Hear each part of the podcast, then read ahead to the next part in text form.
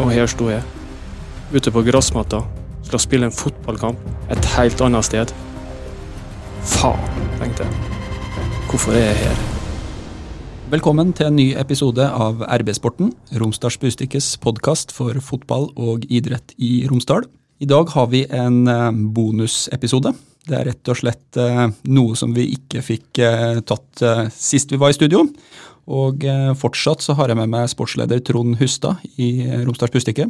Og Magne Hoseth. Hallo. Og Årsaken til at de to er her, er at de har et påbegynt bokprosjekt. En par kapitler av Magne Hoseths fotballiv som vi har fått adgang til å ta en liten titt på. Ehm, Trond, kort om eh, historia for det vi skal få høre. Ja, Dette oppsto jo um, etter uh, cupfinalen i 2013, når uh, Magne da lurte på om han hadde lyst til å gi ut en biografi. Og Da ble jeg kobla inn i den prosessen der. og husker at vi var på seilet. Blant annet hadde møte med Erling Kagge i Kagge forlag. Så hadde vi en plan om at vi skulle lage dette her til en bok. Eh, jeg og Magne jobba med det en stund etter nyttår. Dette her var jo en tid der eh, Magne Hoseth var brennheit. Han har alltid vært eh, interessant både i Molde og i resten av Fotball-Norge, men her sto vi jo da i en situasjon etter denne cupfinalen der han spilte en av sine viktigste kamper, og samtidig som Eh, samboer Monica da eh, kjempa sin viktigste kamp eh, mot kreftsykdommen. Og det var jo derfor at det var spesielt aktuelt akkurat da. Du har et manus foran deg, Magne. Hvordan var det å, å lese disse linjene og, og, og se, se, det her utdraget fra det?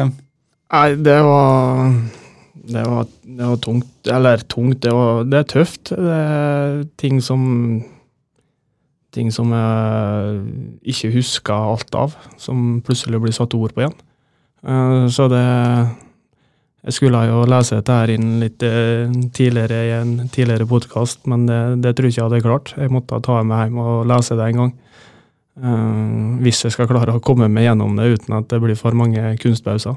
Jeg har vist det da til min kone Monica, og hun skrek seg gjennom seks ark. Det ligger mange gode bokmanus i eh, skuffer rundt omkring i eh, landet her. Når du leser det, tenker du at eh, det kunne vært kjekt å fått realisert denne boka? At den historien hadde kommet mellom to permer? Ja, det jeg har et, hatt et liv som har vært uh, mye oppturer, mye nedturer, mye store omveltninger i livet, uh, som gjør at uh, det kunne nok ha vært interessant å fått fortalt min historie på et helt personlig plan, ikke bare gjennom uh, media, men også mine ord gjennom hånda til den Trond. Uh, så etter, når jeg leste det som han har skrevet for seks år siden, så skjønner jeg at vi skulle ha fullført det, og kanskje, og burde vi kanskje gjøre det. Det var jo eh, en krevende tid eh, for alle, dette her da, spesielt eh, Magne og Monica selvfølgelig. sånn at eh, vi kom ikke lenger med det prosjektet da. Første og siste kapittel, eller en kladd eller utkast da, til første og siste kapittel, eh, det var det som eh, ble satt ned på papiret før prosjektet ble satt på, på vent. Da kan jeg gi ordet til Magne Hoseth, som skal lese fra bokmanuset. Første kapittel. Jeg sto midt ute på Ullevål stadion, kikka opp på tribunene der supporterne allerede har begynt å synge. Kikka ned på klokka. Det er snart bare en time igjen til cupen skulle begynne. Det var Molde mot Rosenborg. Jeg skulle starte. Endelig skulle jeg vinne den forbanna kongepokalen, for første gang i livet. Alt skulle være perfekt. Likevel klarte jeg ikke å tenke på kampen. Jeg tenkte bare på kreft. Jeg visste at Monica hadde begynt på sin tøffeste behandling samme dag at hun sannsynligvis hadde vondere enn noen gang, og jeg kunne ikke få tak i henne. Jeg ville høre stemmen hennes, men hadde bare fått en SMS fra mora. Monica var så dårlig at hun måtte sove. Hun skulle sprøyte inn stamcellene sine i kroppen, slik at hun forhåpentligvis skulle bli frisk, få leve videre.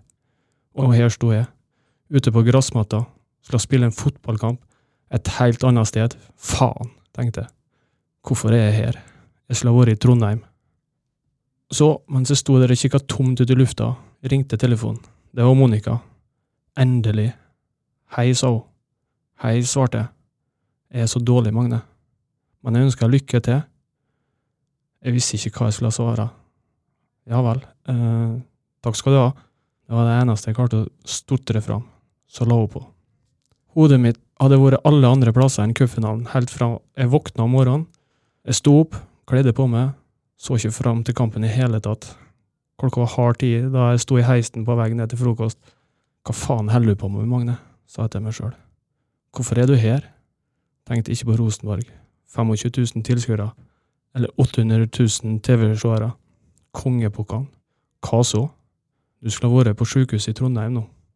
Sammen med familien din. Hos Monica, hos Gabriel.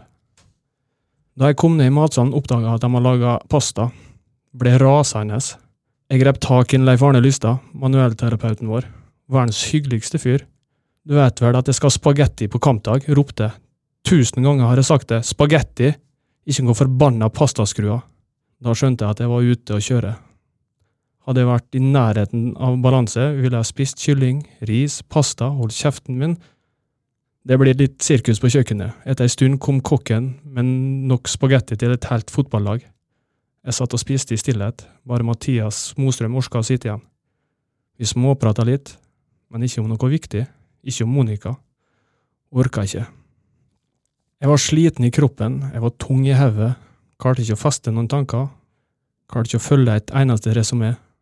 Det var så mye rart som surra i hodet mitt at jeg gikk opp og la meg på senga. Så noen episoder av Big Bang Theory på TV, flirte et par ganger, før de dårlige tankene eh, overtok igjen. Som alltid så delte jeg rom med Daniel Berg Hestad. Vanligvis pleide vi å snakke om alt. Den dagen vet ikke om jeg snakka med henne i det hele tatt. Ringte Monica igjen. Hun tok ikke telefonen. Jeg var fryktelig bekymra da vi skulle ut og gå tur, den obligatoriske lufteturen. En liten runde rundt tonotellet på Lillestrøm, der vi lå de siste dagene før finalen. Snakka med Unni, mor til Monica. Fikk vite at hun var for sjuk til å snakke, hun måtte ha sovet. Jeg gikk bakerst helt for meg sjøl. Da tenkte jeg plutselig på et ordtak jeg hadde hørt. Den største glede man kan ha, er å gjøre andre glad. Ja, husk det, Magne. Hold fast med den ene tanken når alt begynner å skli ut igjen. Jeg følte meg ikke bra. Visste at jeg ikke kom til å spille noen stor fotballkamp den dagen. Da jeg kom tilbake til hotellet, hadde like færre at jeg sa til Ole Gunnar at eh, hodet mitt var ikke på rett plass. Jeg var ikke klar. Heldigvis holdt jeg kjeft. Ellers hadde han sikkert eh, satt meg ut av laget. Helvete heller, tenkte jeg. Du har gjort jobben din, du skåra tre ganger i semifinalen mot Lillestrøm. Det spiller ingen rolle om du er dårlig, bare Molde vinner. Bare du kan glede andre. På spillemøtet gikk uh, Mark Dempsey gjennom offensive dødballer. Jeg fikk beskjed om å ta innoverskrudde cornerer fra høyre, ikke et ord om frispark. Jeg fikk ikke noe ansvar. Tenkte at det var like greit. På bussen inn til Oslo så prøvde jeg å høre litt musikk. Det hjalp ikke. På Ullevål så viste det at jeg hadde to billetter overs på kvota mi. Jeg gikk ut og ga dem til noen Molde-supportere. Dagens gode gjerning. En glede og glede andre. Så jeg gikk ut for å sjekke matta, kjenne på atmosfæren. Det var da jeg omsider fikk snakka med henne. Noen få ord om hvor dårlig hun var, og hvor mye hun ønska meg lykke til. Jeg har aldri hørt henne sånn før. Så kort, så spak. Skjønte hvor vondt hun måtte ha det. Jeg datt helt ut. Det var en time til avspark, og jeg var helt ødelagt av fortvilelse. Jeg gikk inn i garderoben, holdt på å miste fatninga fullstendig. Så tenkte jeg en gang til. Sa det til meg sjøl, flere ganger. Den største glede du kan ha, er å gjøre andre glad. Monica, supportere, de unge spillerne, alle som fortjener at vi skal slå Rosenborg. Ole Gunnar kom bort til meg like før oppvarming. Klokka var sikkert halv ett. Han tok armene rundt meg. Bare drit i alt Mark sa om eh, dødballer. Du skal ta dem du vil. Du er først i alt. Jeg har en god følelse, Magne.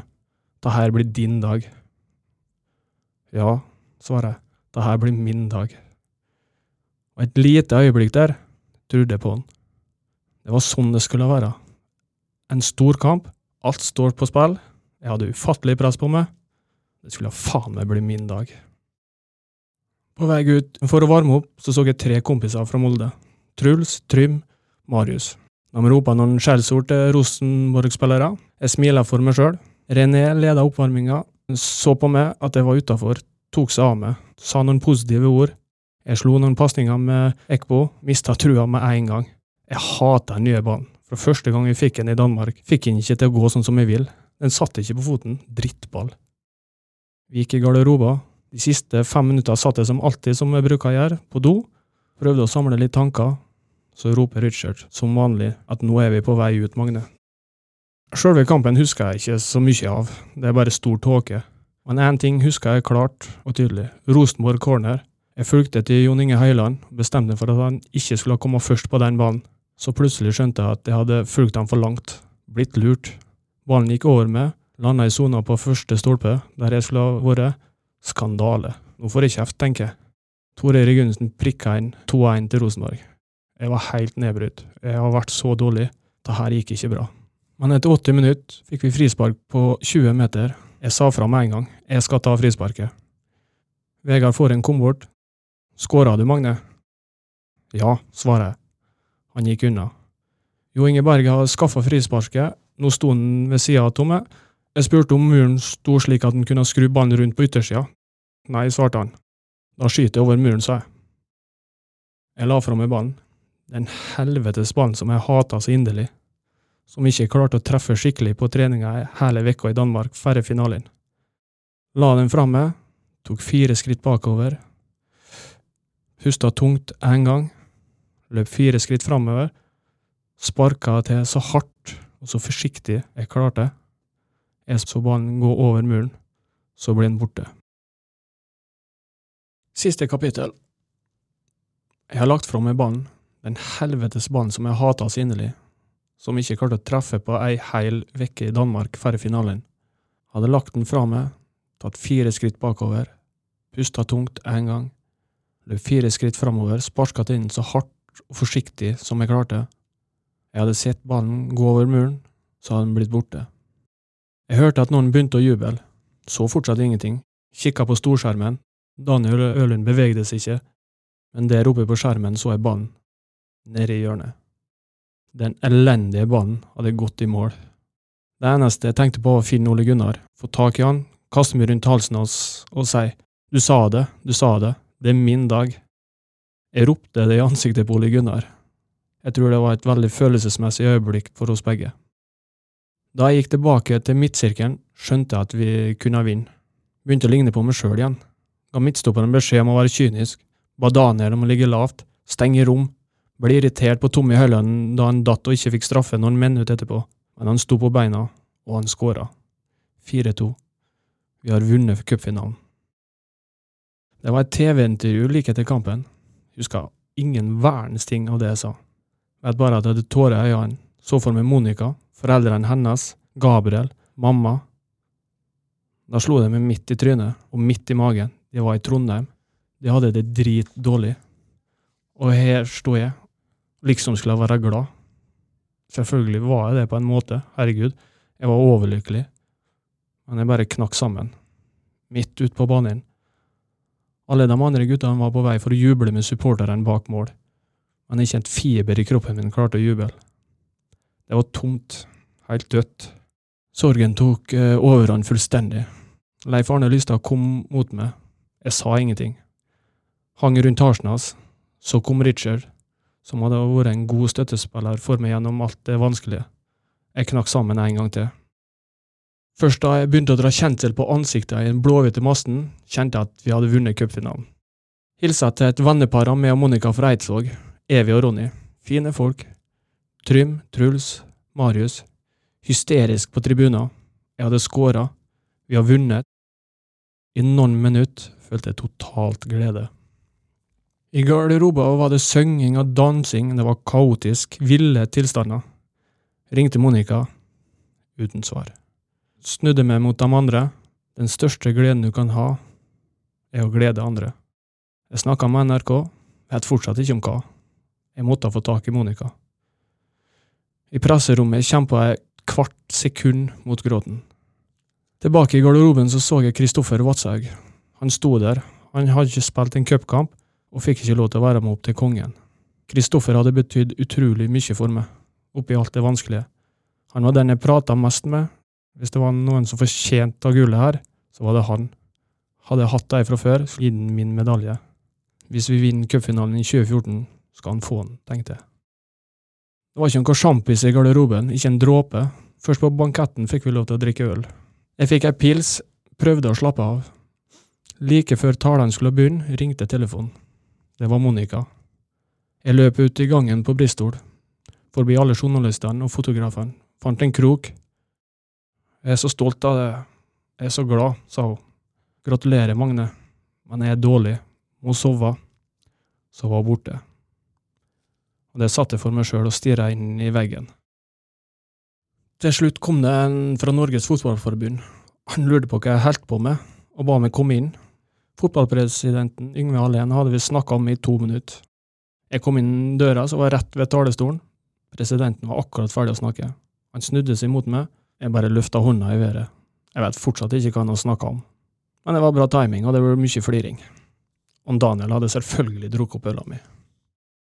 Styreleder Ivar Koteng i Rosenborg kom bort og sa at dette hadde vært et kraftfullt øyeblikk sjøl for en rosenborger. Det var ganske stort. Senere kom Jo Inge Høyland og Mikkel Diskerud for å gratulere. Det varma og veldig. Bra, Magne. Vi følger med det, håper vi vinner den neste kampen òg, sa Høyland. Det var sterkt. Jeg var en av de siste spillerne som gikk gjennom sikkerhetskontrollen på Gardermoen. Det kom en Rosenborg-supporter på gråten og tok rundt meg.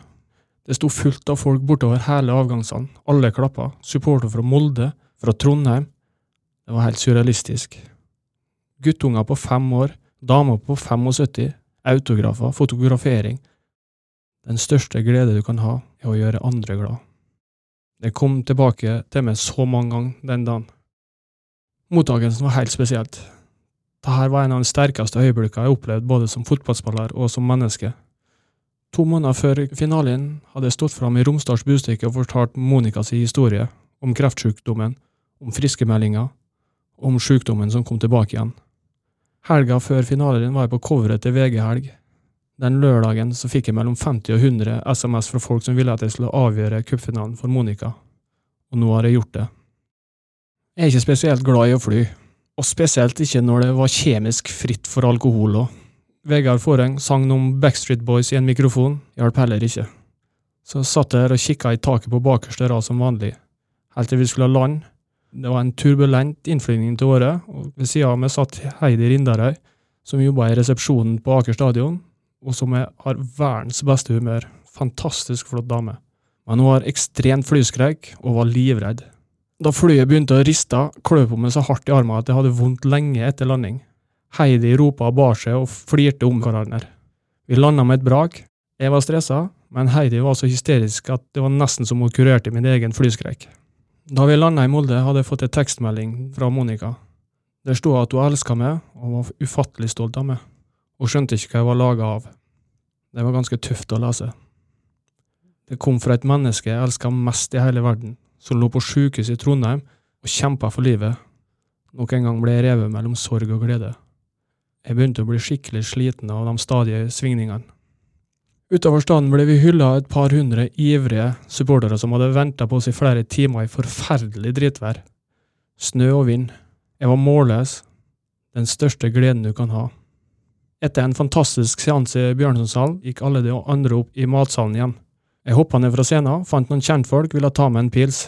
Det blir 75 kroner, svarte bartenderen. Seriøst? svarte jeg. Skal du ta betaling? Tomé, i dag? Makan til frekkhet. Den stakkars unggutten kikka opp og begynte å stamme.